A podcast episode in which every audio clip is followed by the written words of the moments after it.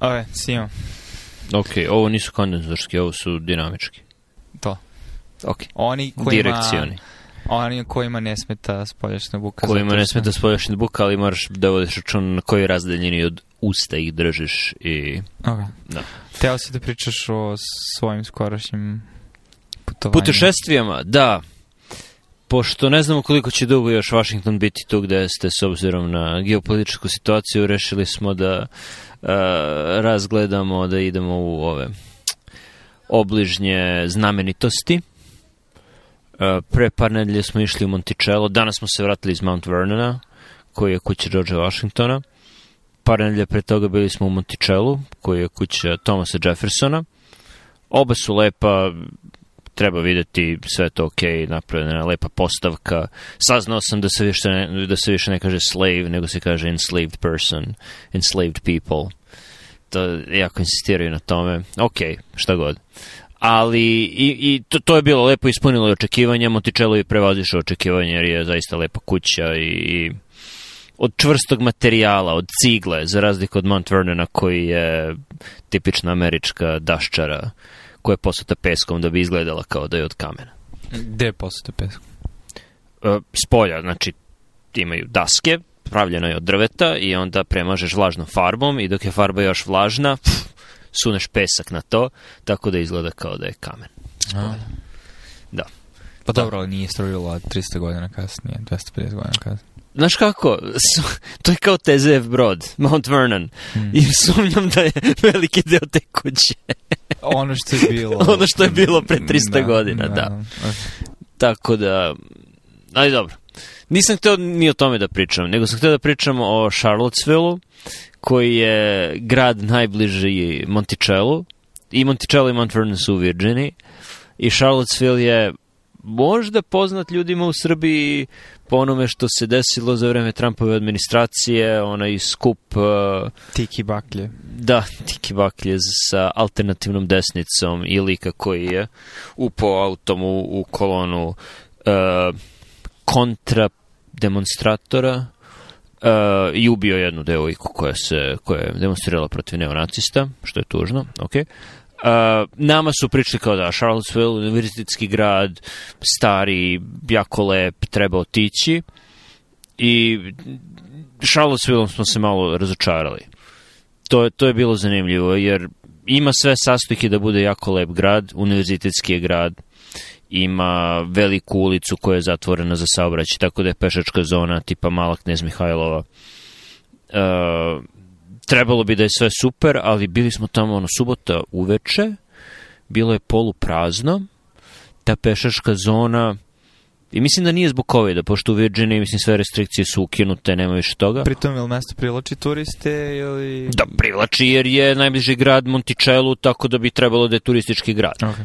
Treba da privlači turiste iz dva razloga. Jedan blizina Monticello, drugi UVA, Univerzi- Univerzitet Virginia koji je tamo, koji je Thomas Jefferson osnovao.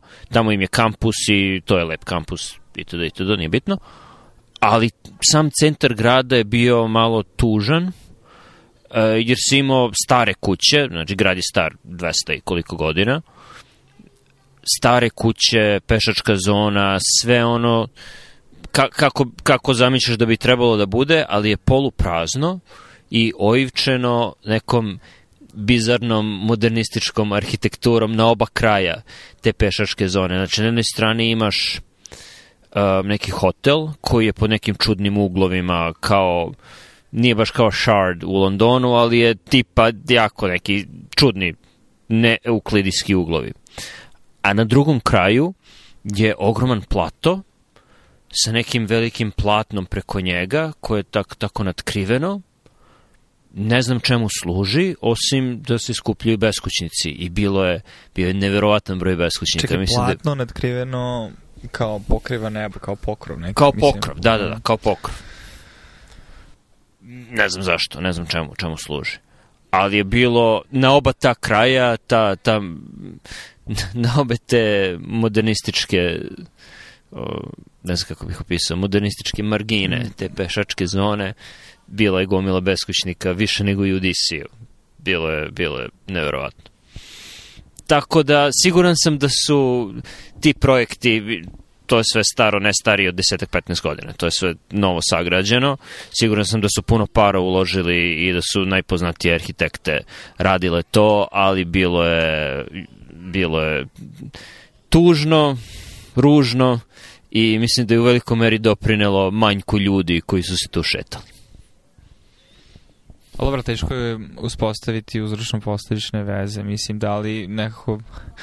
Na, na, na površu analizu zvuči kao da povezuješ modernističku arhitekturu sa ružnoćom i sa prisustvom uh, beskućnika, ali da li beskućnici svakako bi postojali u gradovima u kojima je veća gustina naseljenosti ili su turistički gradovi, um, a činjenica da se nalaze u tim zonama zato što iz nekog razloga imaju više prostora, A, mislim, ono, problem beskućništva u, u Americi je ono što svakoga fascinira ili frapira kada, kada dođe po prvi put, jer ne može da shvati kako najbogatija zemlja na svijetu ima toliko ljudi koji žive na ulicama velikih gradova i ne znam, ako se, mislim, nadam se da će se taj problem rešiti u jednom trenutku u smislu ono, kako uopšte neko završi na ulici, a, znači prevencija prvo mesto, ali gledat ćemo nazad, jer po defaultu svi ovde samo ignorišu ljude kada prolaze pored njih i, i to je problem koji samo svi ignorišemo i ne doprinosimo, jer ono, rešenje, ne, ne znam koje je rešenje, mislim, ono, zato što uglavnom ljudi koji završe kao beskućnici su ljudi iz indisponiranih društvenih grupa sa a, nelečenim mentalnim poremećima koji su često rezultat traumatičnih iskustava, a, koji samim tim ne mogu da imaju stalan posao i a, egzistiraju na marginama društva. Često vidiš ljudi u psihotičnim epizodama na ulici kako viču u praznu ili viču na tebe i svi samo sklanjaju glavu i, i te, teško je, mislim, ne znam, meni i dalje pogađa u smislu da ne mogu da shvatim da, da u zemlji sa toliko novca ne postoji rješenje tog problema. To je u redu, ali mislim da primarni problem ovde nisu beskućnici, mislim da su oni simptom praznine, vakuma, znači oni ispunjavaju vakum koji je uzrokovan lošim urbanističkim rešenjima u gradu. Dakle, ljudi, imaš, imaš tu pešačku zonu, ni na jednom ni na drugom kraju te pešačke zone nemaš neke sadržaje zbog kojih bi ljudi prošli tu, tako da to ograničava, pravi, pravi kavez od toga i jednostavno nema ljudi ni na jednom ni na drugom kraju i taj vakum ispunjavaju beskućnici. Kada ne bi bilo te odvratne antihumane arhitekture na jednoj i na drugoj strani, protok ljudi bi bio veći, možda bi bio isti broj beskućnika, možda malo manje, ali bi svakako bili manje primetni nego što su sada kada nema uopšte pešaka u tim prostorima. Jer ono što se sada dešava, ljudi moraju da se dovezu do pešačke zone, da se prošetaju s jednog kraja na drugi, vodeći računa o tome da ne ubodu delove gde su beskućnici i onda da uđu nazad u svoj auto i da se, da se odvezu nazad. Mislim da je to, oni, oni su tu simptom, nisu oni uzrok zašto nema ljudi. Oni su tu zato što nema ljudi. A ljudi nema zato što ljudi nemaju razloga da prolaze pored bezličnih fasada, čudnih uglova, pored kojih ti nije ni prijatno kad prošetaš. Nije, nije lepo za oko kada, kada prođeš pored takvih struktura. Da. Pa mislim, evo, danas smo baš prošetali do katedrale od Odisije, pošto je lep dan i a, izađeš iz tog lepog parka oko same katedrale i a, znaš, imaš ono posađenje drveće, šta znam, izgleda kao ono Mislim, jako lepo izgleda. I onda odjednom samo letiš na zgrade koje su izgrađene pre 20-ak, 30 godina, koje nas, mislim, ja nisam arhitekt, ali imam osjećaj, kad bih ja crtao zgradu, tako bi ta zgrada izgledala. U smislu samo je ravna zgrada sa žutom ciglom i prozorima i ničim više, mislim. No. Mislim, misli o tome htio da razgovaramo ili dalje imaš neke utiske da, da podeliš vezano za U, uglavnom je to. Naročito što me zabrinjava da se takve stvari sada dešavaju i u Srbiji, jer sam video prošle nedelje šta su napravili od pijace na Paliluj, koja je nekada bila normalna pijaca, onako organsko nastala sa, organski nastala sa ovim štandovima ili kako se zovu, tezgama gde, gde prodavci prodaju svoju robu.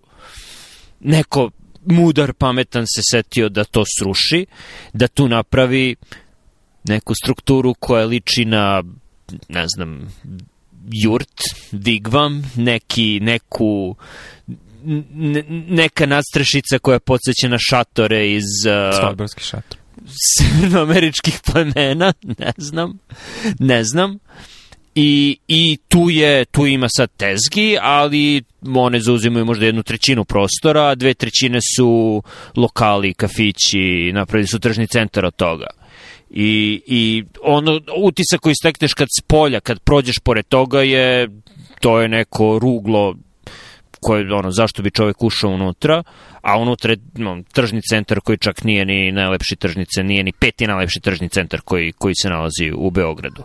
A na stranu koliko je sada zakup tih tezgi veći za, za seljake koji hoće tu da, da prodaju robu u odnosu ono što je bilo pre nego što su napravili to.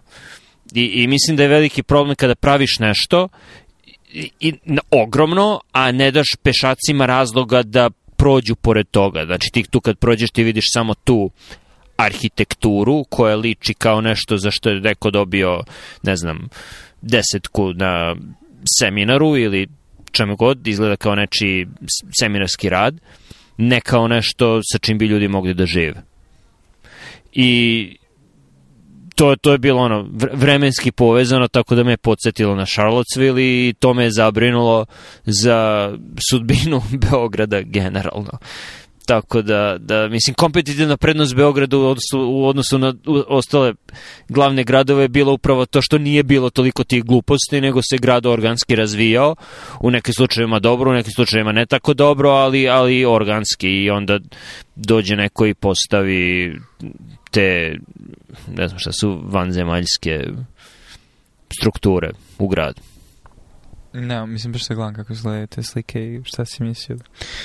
Um, ako ništa, mislim da, iritiraće, mislim dobro, Beograd ima mnogo drugih problema vezanih za novogradnju i, i neplansku gradnju i legalno sumnjivu gradnju i mislim da je više problem tu samo same infrastrukture i održavanje saobraćaja koji će dovesti do kolapsa jer on, loša gradnja na, na dugoročno gledano duge staze će se zameniti i nadam se nečim boljim jer ljudi neće želati tu da žive i mislim te stvari će se srušiti jer ih niko neće održavati ono, što su moderni materijali a, to lakše trunu tako da a...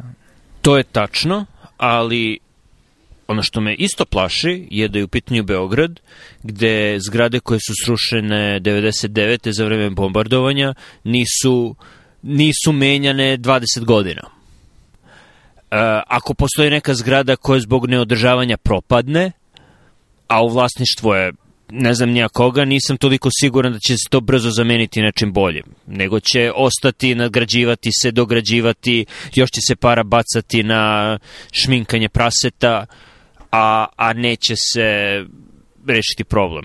Mislim, to, to, to, to me brine. Naročito zato što razlog zašto su te stvari napravljene, ne budimo naivni, nije zato što neko misli da je jako dobra ideja da tako savremeno arhitektonsko rešenje za pijacu bude u Beogradu, nego zato što su se tu ljudi ugradili. I to nije ništa novo, to je, vratit ću se na knjigu The Power Broker Roberta Caroa, koji je pisao Robertu Mozesu, uh, čoveku koji je nikada nije pobedio na izborima, ali bio je najmoćniji čovek u Njujorku i dosta je para e, dao sebi svojim prijateljima za takve različite infrastrukturne projekte po Njujorku. To se dešavalo pre skoro 100 godina. Znači, on je tamo bio od 1920 neke do 1960 neke. On je to radio u Njujorku 40 godina. Ovo što se u Beogradu dešava sada nije, nije to ništa novo. Zna se već za sve to. I zna se da ako, ako kontrolišeš te infrastrukturne projekte, kontrolišeš tokove novca i deo tog novca ćeš preusmeriti na stvari koje tebi odgovaraju i ljude koji, koji tebi odgovaraju i sa, i koji, sa kojima si blizak. I ono, nismo, ni, niko tu nije naučio na, na greškama Amerikanaca, ima puno grešaka i kažem, ta jako dobra knjiga je pisana o tim greškama. To me brine. E, dobro, i mislim koje, koje je potencijalno rešenje. Mislim, sa, mislim, ajde pro, definiši problem. Problem je znači relativno neplanska, neodgovorna, nesrazmerna gradnja koja osim ideje o estetskom obogaćivanju i generalno činjenjem nekog prostora ako ga rekonstruišeš a, funkcionalnim za građane a, je čitava ta ideja a, izmenjena, izvitoperena delimično pod uticajem tokova novca koji utiču na to da ljudi koji su izvodioci radova a, su došli od toga više ličnim kontaktom nego zaslugom, tako da ko, ko je rešenje? Odlično pitanje. Mislim da je rešenje kao i u većini stvari otvorenost, transparentnost, stvari koje su toliko ponavljene poslednjih 20 godina da su dovedene do besmisla, tako da ne znam da li ima poente uopšte pričati o njima. Ne znam, ne znam šta, šta drugo da kažem tu. A, izbori dolaze i u Beogradu ljudi koji sada rukovode parama ne mora da znači da, ćete, da će rukovoditi tim novcem sledeće godine. Uh, možda će neki drugi ljudi bolje bolje umeti da rukovode novcem uh, poreskih obveznika nego, nego, nego ovi sada. Ne znam, ne, bih, ne bih da ulazim u politiku, samo vidim ono da se dešavaju stvari koje su ono pre 100 godina dešavale u Americi i zna se da, da ne treba da se dešavaju, da su loše.